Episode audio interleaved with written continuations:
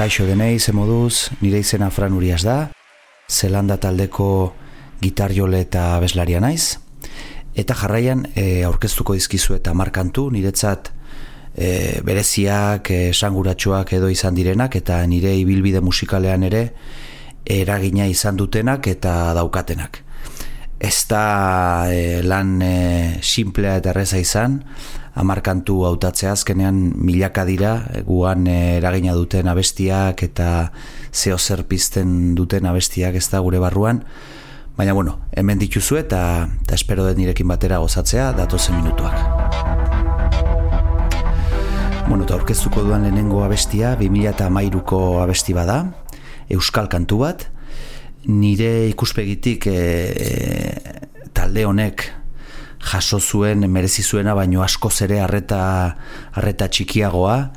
E, ikaragarrizko talde bat zan, baina bueno, ba, e, agian ez zegoen garai hortako mainstream horretan edo, edo, modan etzan berezik egon, ziur aski trompetak ez zituelako, ze garai hartan trompetak ziren ba, gaur egun autotunea eta eta sinteak eta olakoak ba, gara hartan trompetak ziren eta talde honek ez zeuzkan, zorionez.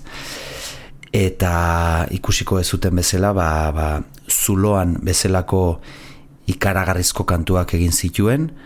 E, diska honen izena da Morfinapolis, kantua zuloan esan bezala. Eta egileak e, beste batzuen artean e, Aitor Antruejo, Juan Sangre letretan Mikel Etxaburu taldea Governors, abestia zuloan, latza.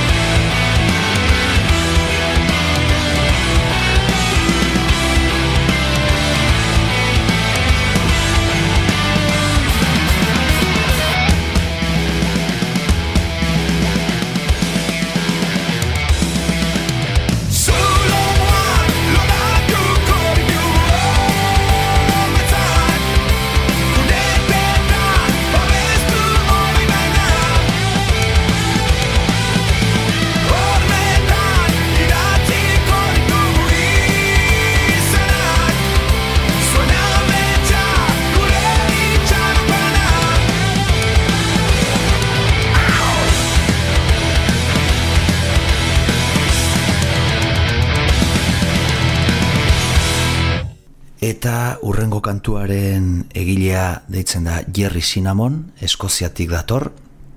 Kuriosoa da, azken urtetan, e, e, edo markadetan Eskoziak zenbat e, artista eman dituen ba, ba, gauza oso oso kuriosoak, oso potenteak egiten. Eta, bueno, e, kantautore honek e, atera zuen bigarren diska bat, de Boni izena daukana 2008 garren urtean, artistaneko kuriosoa da, oso, musika oso akustikoa, lasaia, gehienetan behintzat, baina melodia oso oso esanguratxoak esango nuk ez da.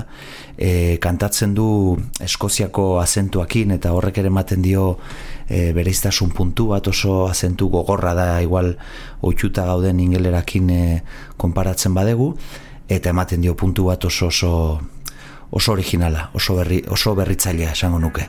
Eta bueno, bere bere timbrea ere ahotsa da ikaragarria melodia, bueno, dena, oso kompletoa.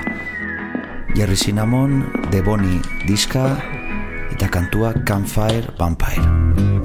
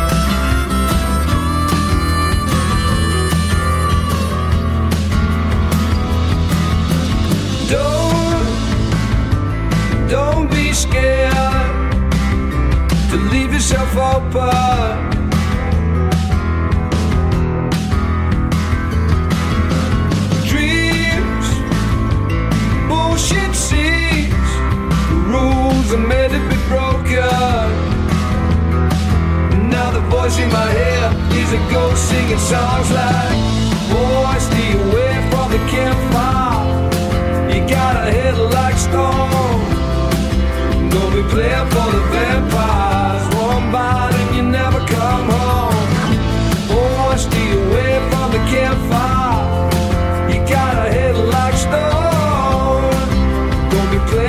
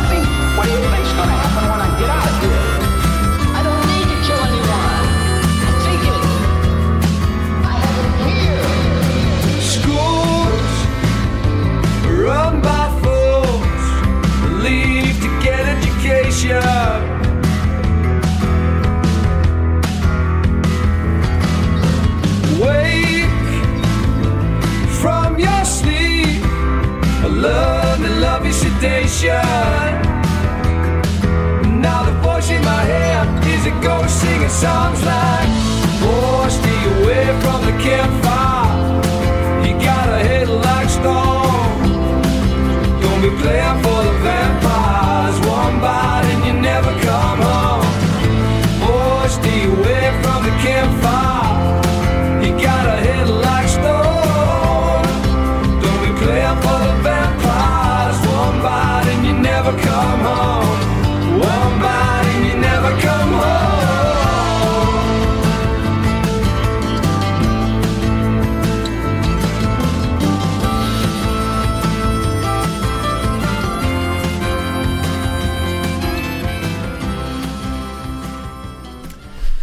datorren taldea mm, nire ustez da momentu honetan Euskal Herriko talde autentikoena eta gainera diferentziakin talde bat itzela oso oso oso autentikoa oso benetakoa eta eta da zeo zer oso eskasa gaur egun e, musikan orokorrean eta euskal musikan ere autentikoa izatea benetakoa izatea daukazun aurpegia erakustea, e, sentitzen dezuna, pensatzen dezuna esatea, filtro gabe, eta bueno, nik bintzat asko baloratzen dudan zeo zer da, ez? E, horixe, bueno, e, talde honen izena da Unidad Alavesa, noski. E, kantua pixkat koherentea izateko taldea, taldeakin berarekin, ez da, e, kantua ez da euran kantu ezagunenetariko bat, oso kantu kuriosoa da, e, letra oso kurioso batekin, baina benetan autentizidadea eta benetakotasuna e, soberan daukana.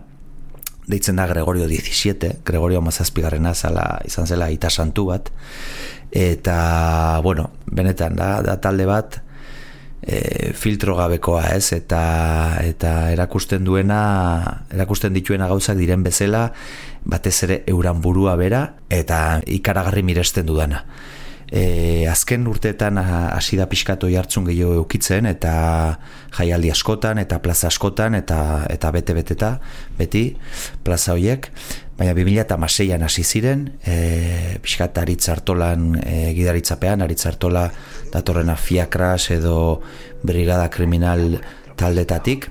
Kantu hau argitaratu zen 2008 batean Made in Germany diskan izan dela atera duten azkeneko diskan, naiz eta oraintxe e, ateratzekotan dauden e, diska berri bat. E, irrikitan gaudena e, entzuteko.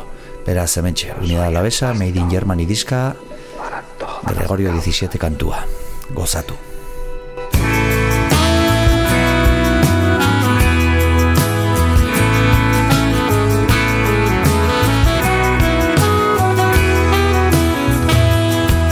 Una vida penitente los misterios de la Virgen, los placeres de la carne, los efluvios del alcohol, la ceguera exteriores tenebrosos, devoción aduladora que precede a la traición. Ay, hay una luz, ay, hay una luz, en la oscuridad una santa cruz en un nuevo trance de Gregorio 17. Ay, hay una luz, ay, hay una luz,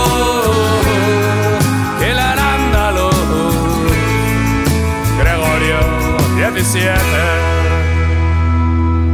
Disparándome bien alto, eyaculando cardenales, como ratas en su nido nos tendremos que arrastrar, arañándome los egos, activándome los poros, el ataúd te irá llevando a tu añorado Potosí.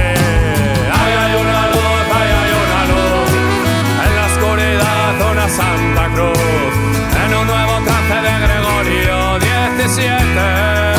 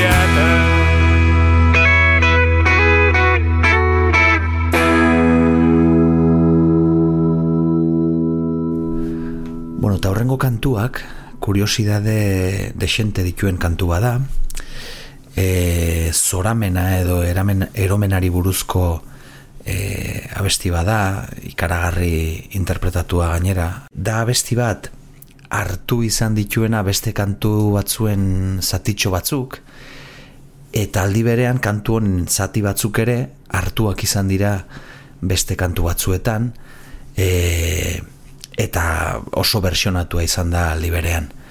E, abestia dago oinarrituta liburu batean dela gazteleraz e, alguien bolo sobre el nido del kuko ken kisina deitzen da Welcome Home Sanitarium, Metallicarena, Master of Puppets e, diskako e, abestietariko bat. Metallica pf, txiki txikitatik eta oso gaztetatik entzunduan talde bada, e, momentu eta garai konkretu batean ba, etengabe gainera, eta inbeste aldiz entzuten nuen Metallica ia gaur egun zaila egiten zaidala, ez? E, kantu batzuk entzutea zakat oso, oso trillatuta. Baina hortik salbatzen da kantu bat oraindik entzun dezakedana gustora eta lasai eta osorik eta da, eta da kantu hau ez? E, ikaragarria da dakan, dazkan progresioak estribilora sartzeko dakan e, roi hori e, eta gainera interpretazioan oinarritua e, bereziki e, zezatia edo ere itzela da zatitik hartu zuen gero e, The Misfits taldeak Elena deitzen den kantu baterako balako zatitxo bat kopiatu zuen edo versionatu zuen edo dana alakoa eta en fin, da kantu bat e, e, ez dakit e, nik entzuten duan aldiro oraindik mugitzen dite dena barrutik eta eta batez ere azpimarratuko nuke esan bezala interpretazioa nola on interpretatuta Hetfielden partetik ikaragarria, ikaragarria. Gozatu, abestia, welcome home sanitary.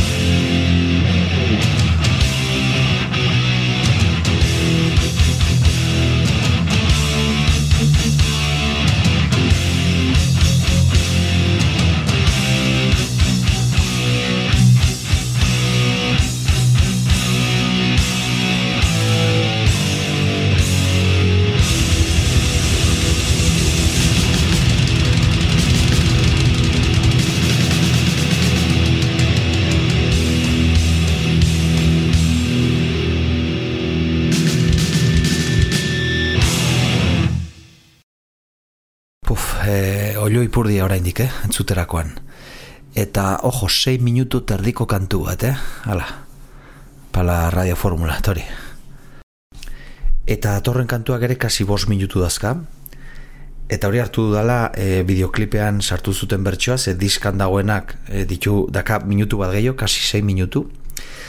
Eta kantu honetan gainera, e, musikalkitza egin da, eta ritmo aldetik eta da oso monotonoa, e, iru akorde, soldorre, oso simplea, e, ritmo iguala baitare, baina ez zara aspertzen.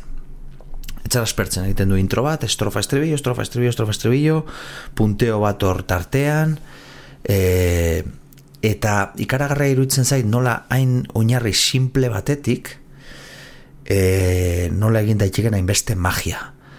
E, kantu izena da Story of My Life, Social Distortion taldeana, e, Mike Nessen e, taldea, basikamente kontatzen du bere, bere historioa, bere historia hitz egiten du bere aurtzaroaz, nera bezaroaz, eta bar, eta kurioso iruditu zaize, mm, asko identifikatzen naiz kantu honekin, letrakin, batez ere, e, abeslariak berak deskribatzen du kantua, baikorra bezala, baina liberean oso etxigarria, esaten du, optimista y desalentadora, ez? Kontra esan horretan, ez da, e, dagoen puntu grisori ze interesgarria dan, eh?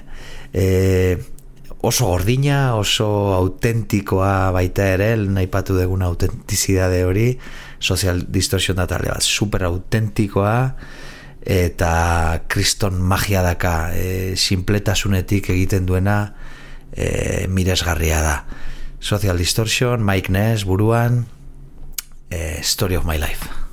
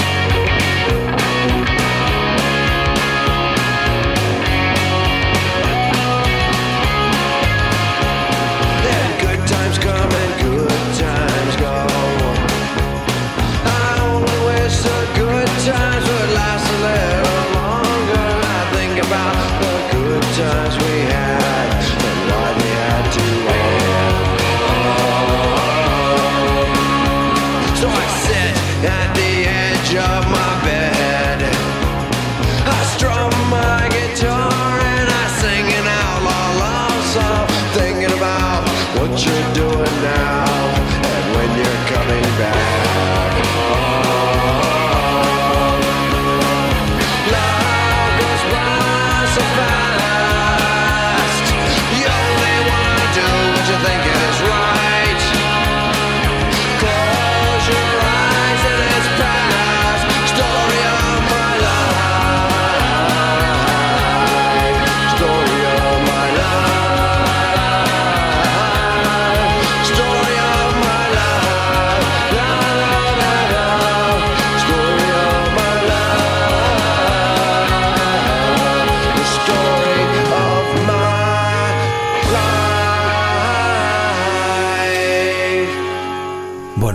kantua, deitzen da Ditmas, Moonford and Sons taldeana, 2008an atera zuten Wilder Mind e, diskakoa, gero videoklipean e, agertzen da kosako bat, e, Ukranian, Ukranian grabatu zuten videoklipa edo lako zehozer, eta eta agertzen da tipo bat e, zaldi batean eta da, eta da kosako bat mantentzen dituztela hor e, euran oitxurak zaldian ibiltzeko eta bueno, historia zehar oso herrialde herri garrantzitsua izan dana kosakoak Errusiako historian eta bar.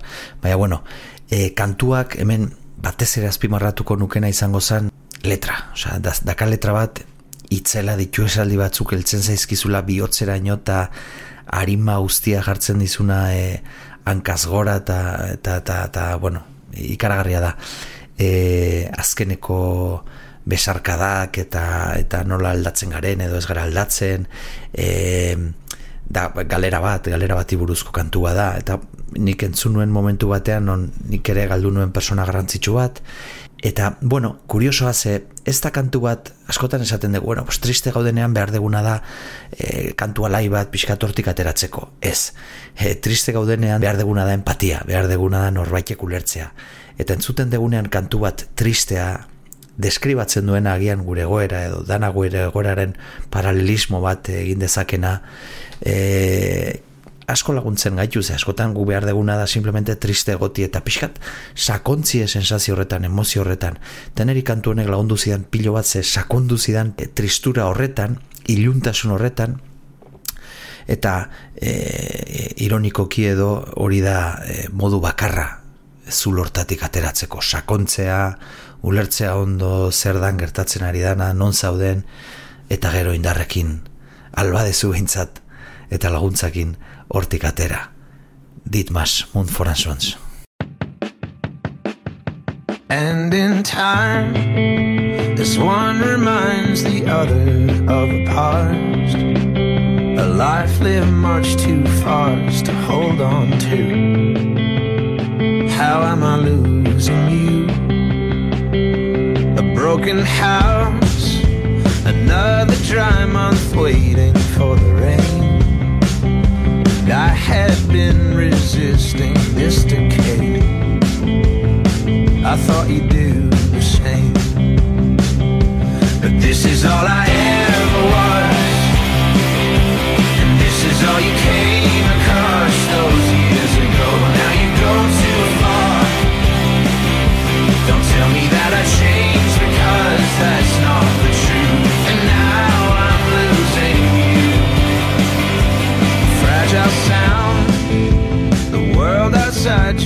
watches as we crawl, crawl towards a life of fragile lines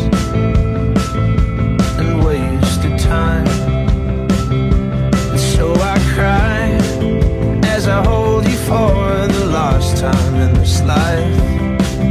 This life I tried so hard to give to you what would you have me do? But this is all I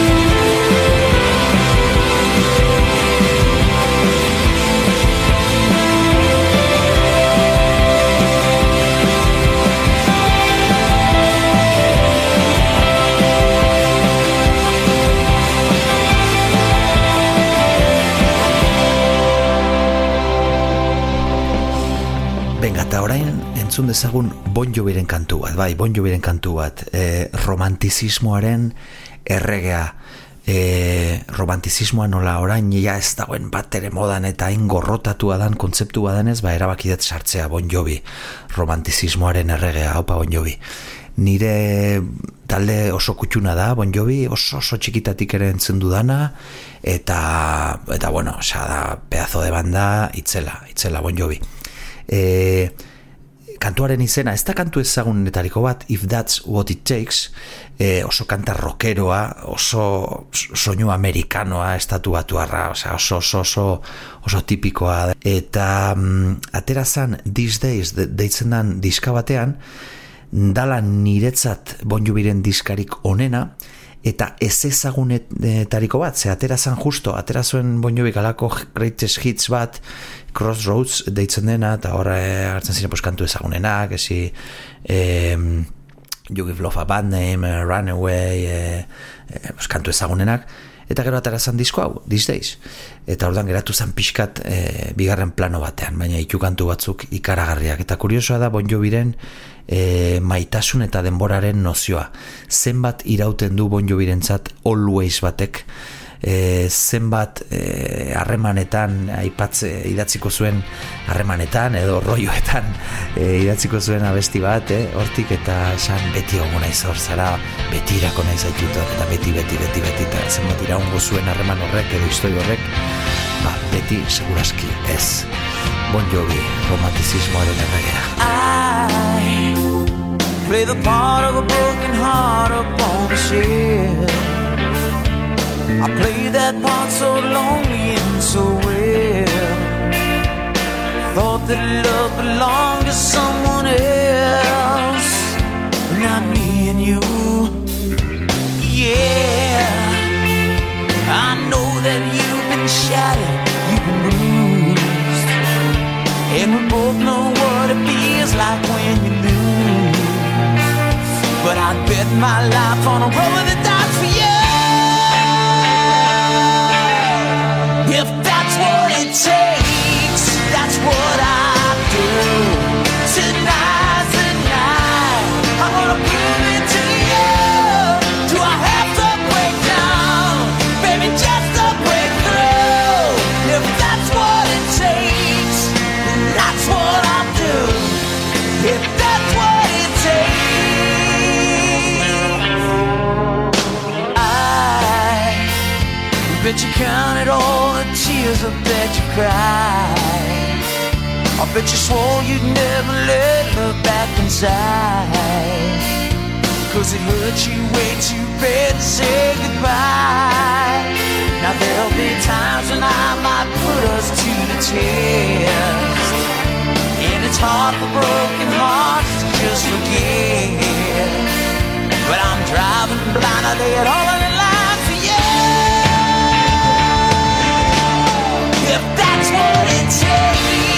That's what I do.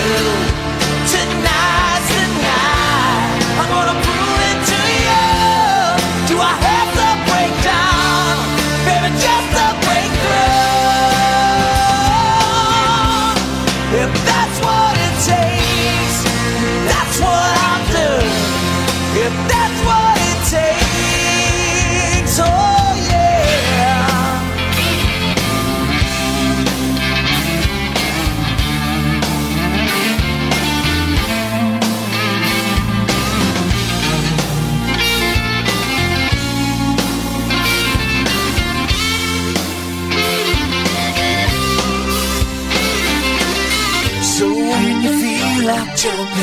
just when your heart starts pumping, when you're standing on that ledge, staring over the edge, I'll be there to talk you down. I'll be there before you hit the ground. If that's what it takes, that's what I do. Tonight's the night. I'm gonna prove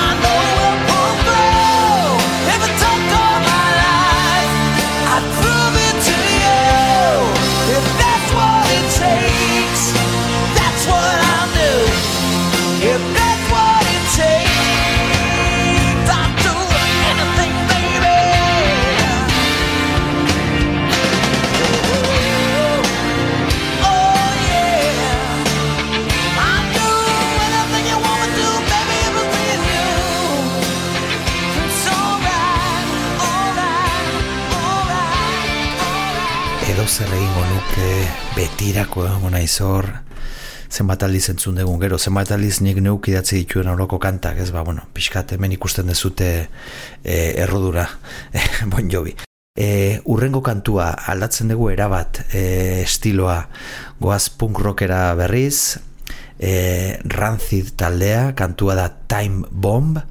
E, kantu honekin azpimarratu nahi nuen edo esan nahi nuen azan pixkat zer dan eska estiloa hause da eska estiloa benetakoa edo eska punk estiloa hobetu esan da ez? E, e, hemen askotan entzun ditugu eskataldeak eskataldeak eta trompetak eta auta beste eta e, nazten dugu pixkat igual zer dan eska eta zer dan patxanga patxanga kutrea gainera askotan ez? E, eska eta eska punk estiloa da batez ere jarrera eta da batez ere ritmoa da basuak eramaten duen pixua hor e, e, nola kantatu zer esan hor dago pixkat koska ez? Eta rantzidek zeo zer badauka ere da jarrera. Eta diska honetan ere zeo zer badauka da basua e, basu jole hemen e, Matt Freeman e, punk rockeko basu jole handienetariko bat ez bada handiena. Eta ikaradizko kanta esianekin, esianen hasiera hasiera hasieran bertsonatzen genuen edo saiatzen ginen abeintzat e, e, egiten. Rancid, Time Bomb.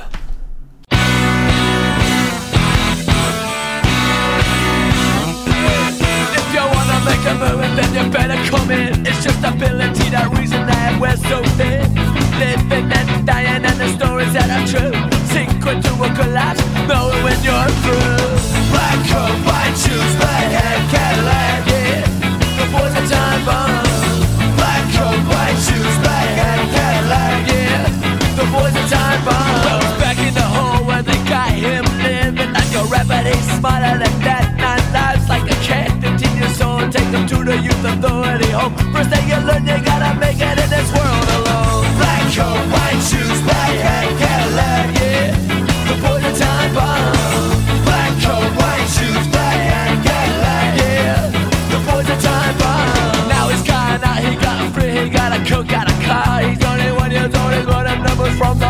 He's his people, he's getting deep in whatever he can move on, and you know that kid's a creeping. Black coat, white shoes,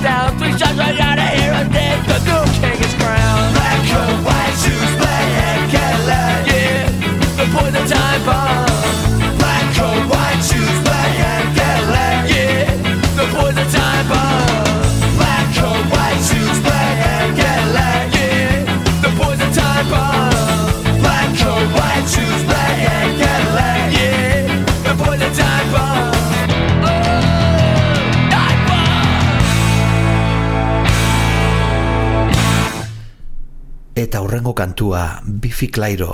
Bifi Clairo da, orain bertan iretzat dagoen talderik handiena, egiten duena, egin duena da, erraldoia, eskoziatik datoz, hauek ere, ez da bat ere talde komertziala eta kantua uniretza da pixkat mm, antikomertzialidade horren erakusle handiena, ze izan da kantu bat oso melodikoa, dakana estribio bat oso handia, hori izan da ere, dakasarrera bat oso kuriosoa, ez dana bat ere komertziala, dauka zezati bat ere ez dana bat ere komertziala. Oso luzea, oso errepikakorra, sartzen du gaita bat, apurtzen du kantua, asko.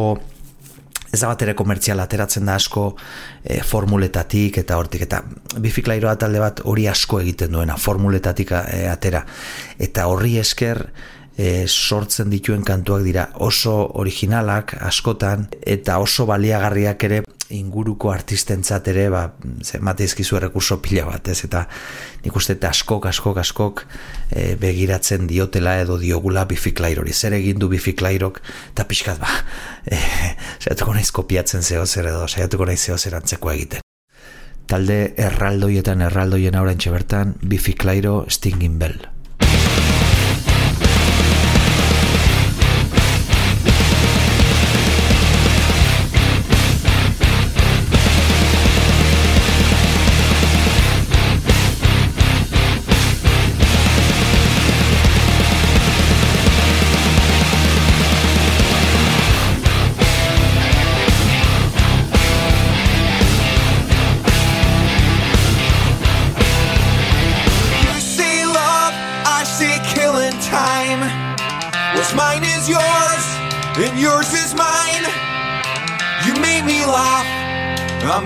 cry.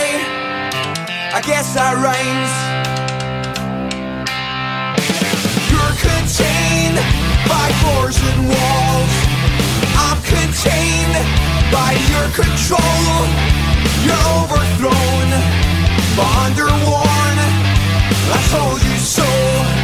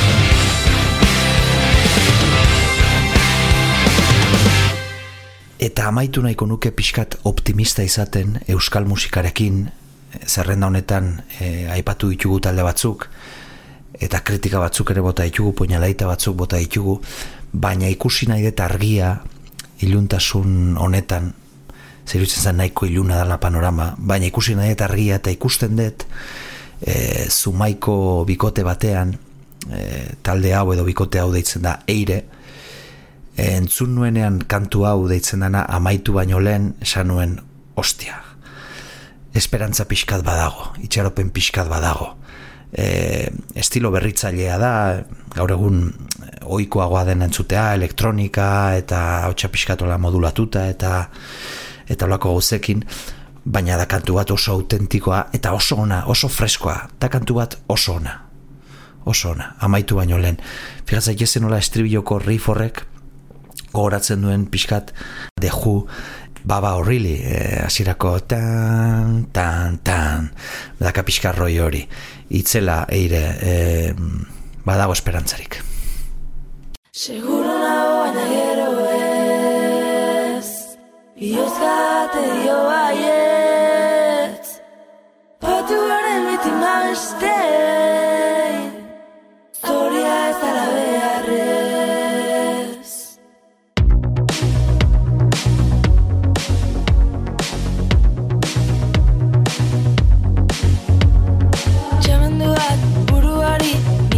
buelta Urtea bete du minutu batean. Gertatzen ez denaren esklabua. Ordu txikitan kateta mamuak. Arima baten gorputzean Aztu zaizu zure azentzea. Utxetik astea Botea kontrolatzea. Seguro nago baina